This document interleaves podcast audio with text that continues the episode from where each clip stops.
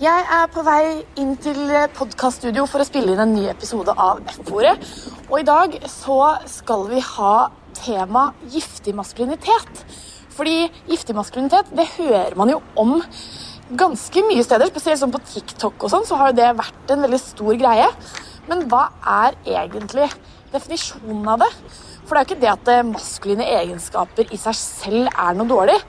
Men når maskuline egenskaper blir veldig begrensende, eller det er det eneste riktige å gjøre, så er jo heller ikke det helt hensiktsmessig. Så jeg skal finne ut litt mer om giftig maskulinitet i dag. Jeg. Men først så tenkte jeg at det hadde vært kult å høre med liksom mannen og gutten i gata hva de mener er de viktigste maskuline egenskapene.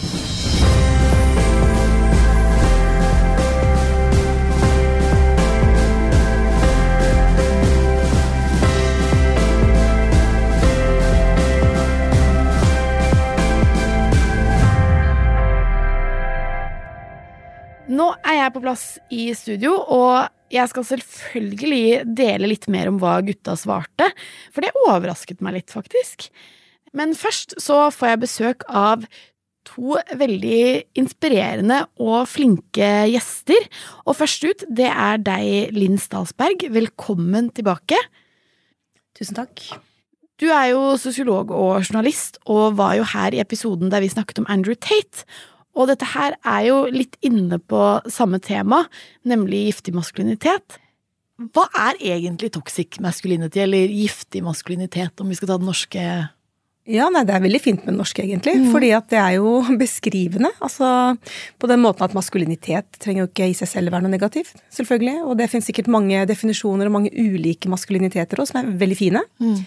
Men når den er giftig, så betyr jo det at du får noe inn i deg som, som ikke er bra for deg, da. Mm. Og som kan, ta, kan, få konsekvenser som du ikke, ikke, innser, kanskje, med en gang. Så det at den er giftig, er vel at det er en maskulinitet som ikke er nok i seg selv, men som går utover andre. Altså det er en maskulinitet som vokser på bekostning av andre. Og de andre er jo da i stor grad kvinner eller alle andre kjønn mm. enn den mannlige normen, tradisjonelle normen. Mm. Mm. Mitt inntrykk er jo at giftig maskulinitet handler om på en måte at uh, du skal uh, forfekte et mannsideal som er veldig um, ja, litt sånn utrolig tøff og ambisiøs og sterk og Altså det er et mannsideal som på en måte er litt sånn gammeldags, ja. eh, ikke sant? Altså Som handler om å ha en fin kropp, være sterk, ikke vise følelser litt sånn tenke på deg sjøl på bekostning av andre. Det er jo et mannsideal som på ingen måte er solidarisk. Det er noe av det viktigste i det, faktisk. Det er ikke en solidarisk maskulinitet. Altså, det er f.eks. ikke klima, en klimaomsorg der. Det er ikke en omsorg for fattige fattige, det er ikke en omsorg for undertrykte grupper, enten det er urfolk eller kvinner eller barn. altså Det er liksom ikke det er ikke noe omsorg og solidaritet innbakt i den maskuliniteten. Tvert imot så er det sånn me, myself and I, og, og det skal det være. Eh, for det sånn er det å være en alfahann, da. Og det, det, er jo noe sånn karikert og komisk og gammeldags i den figuren. Samtidig da, som man ser at det opplagt har en sånn tiltrekning på mange, og at den der ideen om den sterke mann, eh, både politisk mm. og, og, privat, kan være tiltrekkende for en del folk. Eh, giftig maskulinitet er jo et relativt sett nytt begrep. Hvorfor har det blitt så mye snakk om det nå? Nei, Det er jo fordi eh, vi har blitt bevisste, og jeg tror hele metoo-bevegelsen f.eks., som jo ikke er så gammel, ikke sant? det er bare seks år siden eller noe sånt, de første signalene kom, har gjort at vi damer og menn og andre kjønn ser ting på en ny måte. sant? At, det, at noen holdninger, et lite klaps på rumpa eller en kommentar om kroppen din, eller en sånn kjempemorsom sexistisk vits plutselig ikke er så morsom lenger, fordi vi ser det eh, med et annet brilleglass etter ja. metoo. Så jeg tror at det er en bra ting at vi nå kan sette ord på det. For jeg tror denne, denne type giftig maskulinitet også har fantes før. Men da var det litt sånn der ja ja, liksom, og du lo med for ikke å være den kjipe eller ødelegge stemningen, da. Ja, Særlig gutter det, kanskje. er gutter, menn litt sånn. Gutter er gutter, ja, ikke sant. Og dette måtte man tåle, såpass må du tåle, liksom. Mm. Og nå er det sånn nei, såpass gidder vi ikke å tåle lenger, eh, og nå sier vi fra. Og da blir mye av det klassiske, liksom gammeldagse mannsuniverset, det blir utfordra. Mm. Og det blir annet utfordra ved sånne begreper, da, at vi kaller det giftig. Ja. Sant, som jo ikke er positivt ment. Nei, nei. Men hvordan går det utover disse gutta som vokser opp med mye giftig maskulinitet rundt seg, da? De... Altså, det går jo utover de, fordi livet deres blir jo så begrensa. Altså, hvis det du skal ha fokus på er å bli fort rik, som jo ligger litt innbakt i dette her, og ha en veldig fin kropp, så er det liksom de to tingene du setter din innsats inn på, da. Og jeg tenker sånn så trist og, og snevert det er, liksom. Livet består jo av så mye mer. Eh, det er mye morsommere å være en del av en, eh, et idrettslag eller en organisasjon eller en forening eller gå på folkehøyskole, liksom. Og få masse venner. Mm. Eh, det er mye morsommere det enn å stå og pumpe på et eller annet treningsstudio fordi du på død og liv skal ha en viss muskelmasse, da. Og det er jo også en masse yrker som faller ut av disse guttenes horisont. Ja. Hvis du skal eh, bli fort rik, da, da må du jo satse på en YouTube-karriere eller et eller annet sånn spektakulært. Mens alle andre morsomme jobber, liksom, eh, i samfunnet forsvinner litt fra radaren, da. For det er ikke liksom den type maskulinitet mm. i seg. Så giftig maskulinitet, det handler jo om at det skapes et sett med forventninger til hvilke egenskaper menn på en måte skal ha for å kunne bli sett på som ordentlige menn. Sånn du skal være tøff, sterk, ikke snakke om følelser. Og når maskulinitet og de egenskapene er så viktig at eh, du på en måte ikke da tør å dykke ned i det emosjonelle eller være en god støttespiller, så er jo det innmari begrensende. Og en som har kjent mye på disse begrensningene, det er komiker, TV-personlighet og forfatter Adam Schulberg. I 2020 skrev han en kronikk med navn 'Menn må snakke om følelser'. Hør på dette her. Du skal enten være sint eller ensom. Alt det imellom er visvas. En gråsone av virvar ingen av oss helt har lært å sette ord på.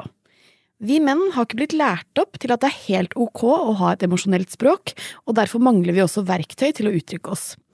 I tillegg er det ikke rom for å gjøre det uten å bli sett på som litt mindre mann. Slutt å grine. Ta deg sammen. Klar deg selv. Ikke del for mye. Ikke vis for mye. Vær alfahann, og aldri fall sammen. Og det som er veldig interessant med denne kronikken, er at den drar meg tilbake til samtalen jeg hadde med Vegard T. Olsen i episoden som handler om hvordan vi er formet av ord. Fordi han mente jo at menn har ikke så behov, de, for å vise disse følelsene og snakke om ting og gjøre alle disse greiene. Men han snakker jo bare på vegne av seg selv. Og hvis alle menn tenker at nei, men menn har ikke behov for det, så vil jo det skape en kultur som ikke er helt hensiktsmessig. Jeg gleder meg derfor veldig til å snakke med Adam, som har dykket ned i maskulinitet og hva det betyr. Dette tror jeg blir skikkelig fint. Adam Skjølberg, velkommen til F-ordet. Tusen hjertelig takk. I dag skal vi snakke om maskulinitet. Det skal vi. Og det er veldig spennende å snakke med deg om, først og fremst fordi du har skrevet manual, mm. som jo er en bok som handler om Eh, maskulinitet og forventninger til den, og hvordan det kan være begrensende? Er det riktig å si? Ja, eller for meg så handlet det litt om å ønske å finne litt mer fotfeste og identifisere meg litt mer med, med maskulinitet enn det jeg hadde gjort. da. Mm. For meg var det noe skummelt, eh, ja. og noe jeg ikke hørte hjemme til. Noe jeg ikke fikk ta del i. Det motsatte av meg, da. Mm. Eller det motsatte av feminin. ikke ja. sant? Det er jo ofte det man setter det opp som, og det, og det, er det jo ikke. Det er jo ikke det motsatte. Nei. Eh, det kan inneha mye av det samme, og det var litt sånn prosjekt jeg hadde med å gjøre et dypdykk i liksom, ok, hva er maskulinitet egentlig? Og mm. så se om jeg klarte å, å finne litt mer relaterbare ting i maskuliniteten. Mm. Mm. Hva har du vokst opp og tenkt at maskulinitet og å være mann skal være? Oh, eh, jeg har nok vokst opp med at det var alt det jeg ikke var. Ja. ja er vel liksom det korte svaret på det, da. Og at, uh, og at jeg ikke hørte hjemme der med, med, gutta når det var ord som guttastemning, eller hva som hadde med gutta å gjøre, om det var fotball. Alt med mm. ballsport var gutta-ting. Og selvfølgelig det med at jeg var for satte for mye mange ord på ting. Eh, ja. Ikke bare følelser, selvfølgelig, men at jeg snakket for mye. Det var også et tegn på at jeg hørte meg hjemme med jentene. Sånn at det var noe man sakte, men sikkert lærer seg til å eh, å begrense seg på, da, fordi man fikk ofte kjenne på skam for det feminine. Mm. Uh, og det sier folk ifra om. Skam er folk flinke til. Folk er flinke til å shame. Ja. Uh, og spesielt som barn, da, så begynner man jo å regulere seg allerede veldig tidlig. Da. Det er jo det første man gjør, løpe etter der du får hyllest, og, og begrense det du får skam for. Ja. Så, så, det å prøve å bli mer innadvendt, prøve å eh, ikke være så følsom, og dette med slutt å grine og kaster du som en jente, altså alle mm. disse tingene, da. Eh, ender opp da med å skrive denne boken litt fordi at jeg tror i og med at jeg ikke har hatt så mange prater om med menn om maskulinitet, eller hatt noen gode, tydelige forbilder opp gjennom oppveksten, mm. så ble jeg liksom satt til å skulle navigere selv, uten å vite noe om det. Og da navigerte jeg litt feil. Ja. Så for min del i voksen alder så hadde det da blitt til at, eh, at jeg var ganske ensom, at jeg ikke hadde noen å snakke eh, så mye om de vanskelige tingene med, og, og også det at man ikke anerkjenner det i seg selv. Mm som gjør at man kanskje mister litt sånn kontakten innover, eh, eller oversikten over hva jeg selv følte over en del ting, som gjorde at jeg altså Klassiske, isolert, deprimert, eh, alene, eh, liten lyst til å leve, alle disse mm. tingene, da. Som jeg også da kunne kjenne på at ok, her vil jeg ikke være, og kunne gjøre noe med det, da. Og det er jo da på en måte maskulinitet også blir giftig, når mm. det på en måte er at ja, nei, du skal være stoisk eller sterk eller trygg og alene, alene på en måte. Mm, du skal mm. være alene. Ja, ja, skal, helten er alltid alene. Helten er alltid alene. Den skal mm. ikke snakke om følelser, for den føler egentlig ikke så mye. Den er bare, den bare ja, suse gjennom, på en måte. Eh, og da går man jo fra at liksom sånn, ja ja, det er kjempefint å kunne på en måte være sterk og liksom sånne ting, men du kan ikke bare være sterk og ufølsom. Du må på en måte ha føtter i flere leire, da, på et mm. vis. Ja, fordi man er menneske. Det gjelder jo ja. både kvinner og menn. Da. Ja, ja, ja. 100 ja. Men hva tenker du om begrepet giftig maskulinitet, da? kan jo først si at jeg er jo en av de som ikke er sånn kjempeglad i ordet giftig maskulinitet. Da. Det vil jo også si at vi har noe som heter giftig femininitet i Absolutt. så fall. ikke sant? Eller alt, da. Du kan ha giftig kultur i homofile miljøer også, ikke sant. Så det er mye som kan være giftig, da. Dit jeg endte opp til slutt, var jo at for meg så er maskulinitet noe positivt. Mm. Ikke sant. Eh, maskuliniteten det handler ikke om å være alene, den handler ikke om, eh, om å stå, stå, helt alene. Det handler om samhold, ikke sant. Mm. Det handler om å være der, det handler om empati. Det handler om å, å, våge å være en god leder. Alle disse tingene som er positive, da. Som ikke nødvendigvis er det motsatte av femininitet. Nei, ikke sant? Jeg tror det er der folk ofte bommer litt med at femininitet skal ha kvaliteter som er det motsatte av det maskuliniteten inneholder, og det er det ikke. Begge kan inneholde mye av de samme ingrediensene, da. For meg så handler det om litt at jeg har navigert veldig feil i hva, hva maskulinitet skulle være, uavhengig om, om den på en måte ble giftig eller ei. Mm. Men hvordan tenker du at vi kan utvide dette maskuline rommet, da? Jeg tror vi mangler såpass mye samtale, samtaler mellom menn. Mm. At det er veldig få menn som egentlig har noen å snakke med erfaringer. Hva innebærer det å være Hvordan navigerer man gjennom livet som mann, da? Mm. Og hvordan skiller det meg fra hvordan kvinner navigerer gjennom livet? For det skal i så fall definere hvordan jeg som mann Ikke sant? Det er veldig kompliserte greier, da. Mm. Eh, og der kan man jo 100 si at kvinner har vært mye bedre til, til, å dele erfaringer. Nettopp kanskje fordi det å snakke sammen mm. ikke er sett på som, som noe kjipt eller fælt eller noe du ikke skal gjøre, da. Og det har vi mistet litt som menn, tror jeg. Det, mm. det å snakke med oss imellom. Ja, og dele ting og liksom sånne ting. Og du skriver om en voldtekt i boka, mm. som du opplevde da du var 25. Mm. Eh, og så skriver du at eh, når du ga ut boka, så var det veldig få journalister som turte å spørre deg om det. Mm. Fordi voldtekt da går imot eh, tanken man har om at f.eks. menn da mm. er alltid willing, ready and able. Ja, ja, ja. Eh, og det er på en måte sånn ja, en mm. ting som Det var ganske fascinerende. Det var faktisk til og med en journalist som sa 'hvordan kunne du skje', du er jo kjempehøy'. Ja. det syns jeg var litt sånn jeg var, Hæ? Så den journalisten kunne liksom ikke skjønne hvordan det kunne gå an. Nei.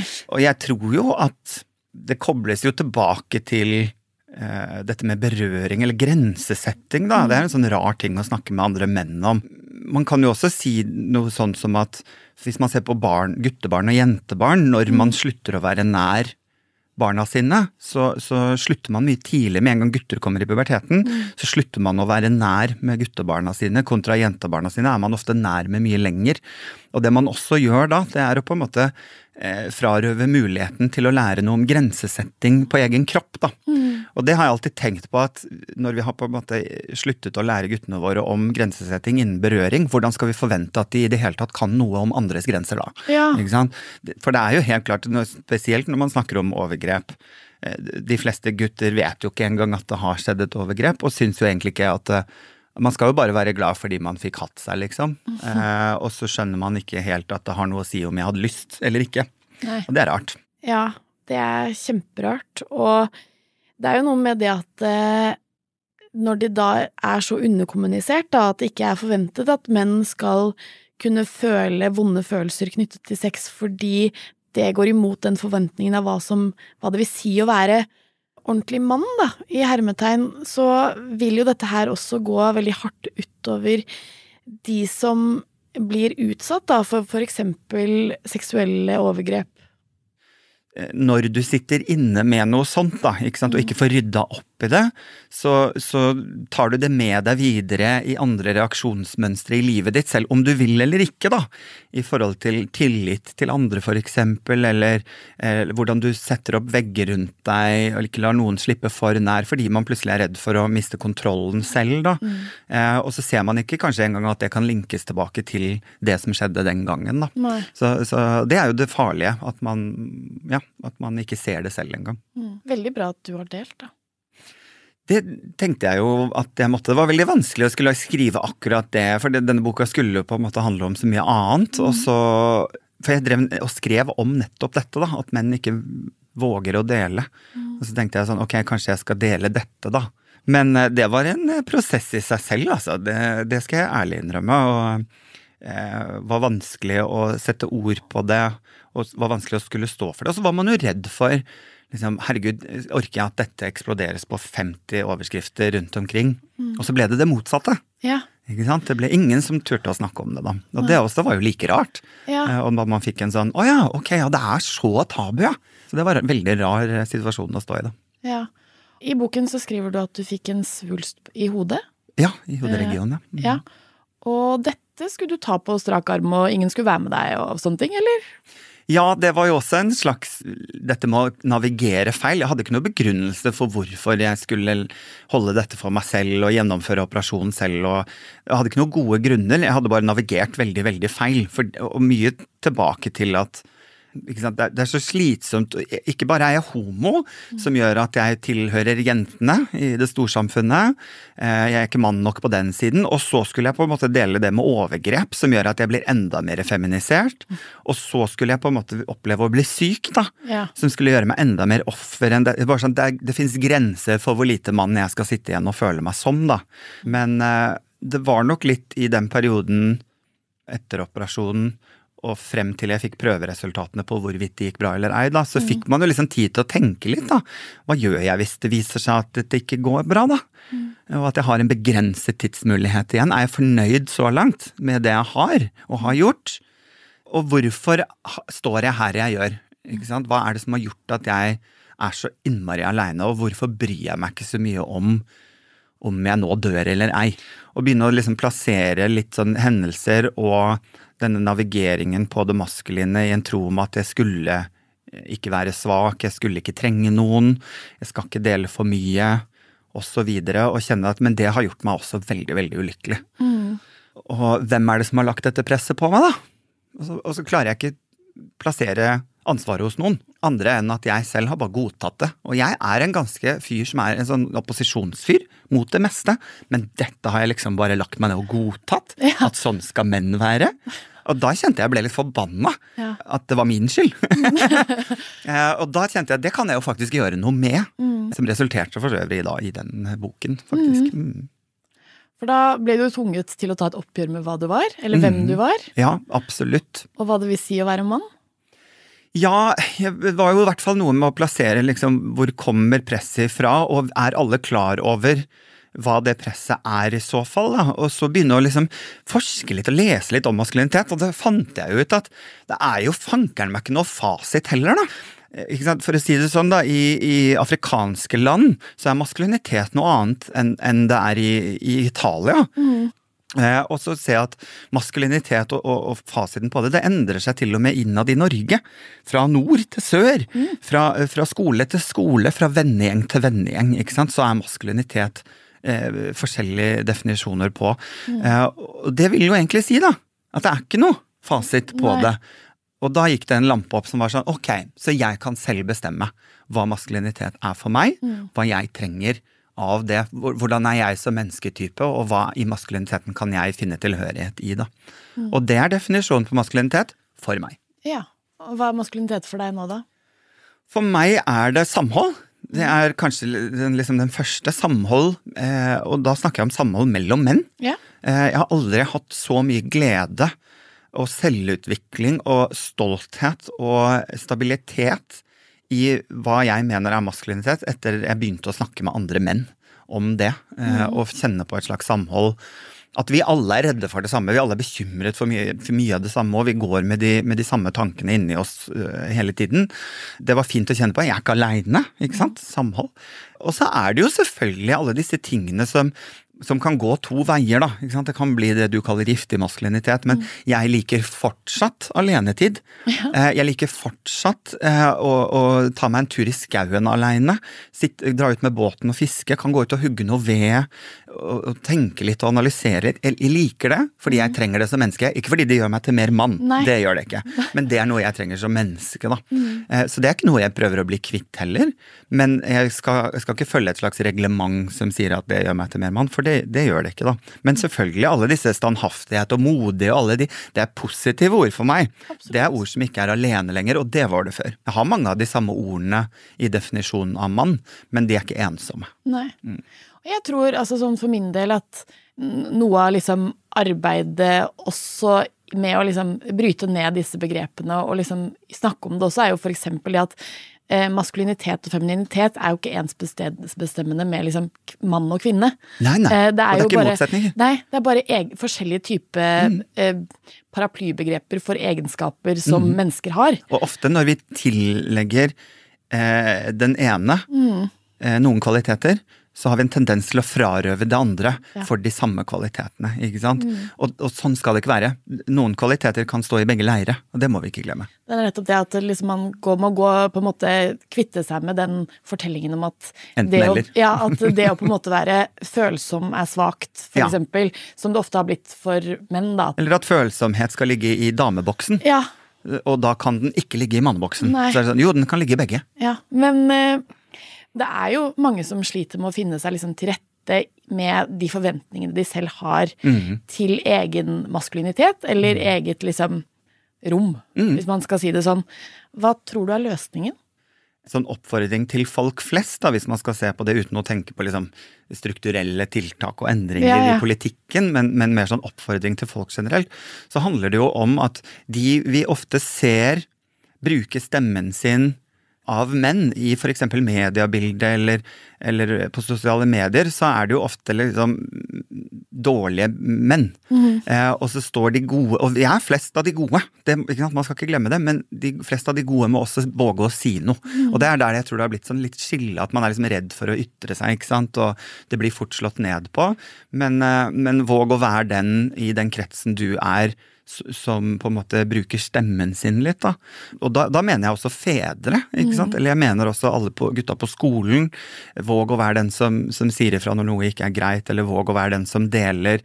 Man kan til og med gå så langt og si at det ligger ganske mye makt i det emosjonelle. ikke mm. sant? Det også kan jo misbrukes, rett og slett, men det kan også brukes til noe positivt. da. Mm. Det er også en oppfordring til media. Vi har en tendens til å hylle skurkene eh, når det kommer til menn. Fordi vi er veldig flinke i media til å løfte opp liksom, konfliktmennene. Og så er vi veldig dårlige på å løfte frem de gode mennene. Og det mm. skaper jo også et rom med, med, veldig få gode mannlige forbilder. Og vi alle er forbilder. Mm. Vi alle kan være forbilder i, i, den, i, den, livssituasjonen vi er i. Så det å våge å være det, eh, det er liksom oppfordringen min, da. Ja. Mm. Så fint. Jeg tror Adam har veldig rett når han sier at det er utrolig lett å navigere feil i maskulinitet. Fordi eh, man har kanskje et bilde av at man skal være denne actionfiguren og denne helten, og hvis det er det eneste du tillater deg selv å være, så er jo det en veldig trang boks, og en boks som ikke alle passer inn i. Og hvis det er det eneste du tillater både deg selv og andre menn å være, så vil jo det være en veldig trang boks som ikke nødvendigvis alle passer inn i. Og det er jo da maskulinitet kanskje også blir giftig. Men tidligere i dag så spurte jeg jo tre gutter på gata hva de mente var de viktigste egenskapene for en mann. Og bare hør på det her. Hva mener du er de viktigste egenskapene en mann bør ha? Oi, oi, oi, oi. Um, ydmyk. Den viktigste egenskapen en mann bør ha? Det var et veldig vanskelig spørsmål. Man burde være snill og grei. Og altså, Veldig vanskelig spørsmål, da. Oi, oi, oi. Maskuline egenskaper. Jeg tror sånn generelt for uh, mange så er det jo det å kunne løfte tungt og bygge noe eller sånne ting. Da. Men jeg tror en god maskulin egenskap er å for min del er å kunne være seg selv uten at uh, man blir sett på som noe mindre maskulin. Da. Man kan ha på neglelakk, man kan gå med smykker, man kan ha på seg de klærne man vil, og selv så blir du liksom tatt som en av gutta. på en måte. Føler du at du ofte ikke eller sånn, Føler du at det er mange som ikke tenker at de kan det hvis de ja. lever i det? Ja, det er veldig mange som tenker det. Jeg vet det er mange av kompisene mine også som tenker omvendt. At det er eh, som tenker på de som går med annerledes klær eller med neglelakk og smykker og sånne ting, og ikke er så maskuline. Men uh, de er jo akkurat like maskuline som det de gjør. Altså, jeg må bare si at jeg ble ganske glad av å snakke med de guttene. For jeg hadde nok noen fordommer om at de skulle svare veldig sånn klassiske maskuline egenskaper. Men det at det er flere som tenker på maskulinitet i et litt bredere perspektiv, gir meg håp for fremtiden. For jeg tenker at det betyr at denne boksen kan utvides litt, og allerede er utvidet. Og jeg tenker jo da at vi er kommet ganske godt på vei, men jeg tror likevel ikke vi kan slippe ballen helt ennå. Og husk at maskulinitet og femininitet begge to er helt topp. Men vi er nødt kanskje til å fjerne det narrativet om at maskuline egenskaper er forbeholdt menn, og feminine egenskaper er forbeholdt kvinner. For kjønnet vårt har jo egentlig ingenting med maskulinitet eller femininitet å gjøre.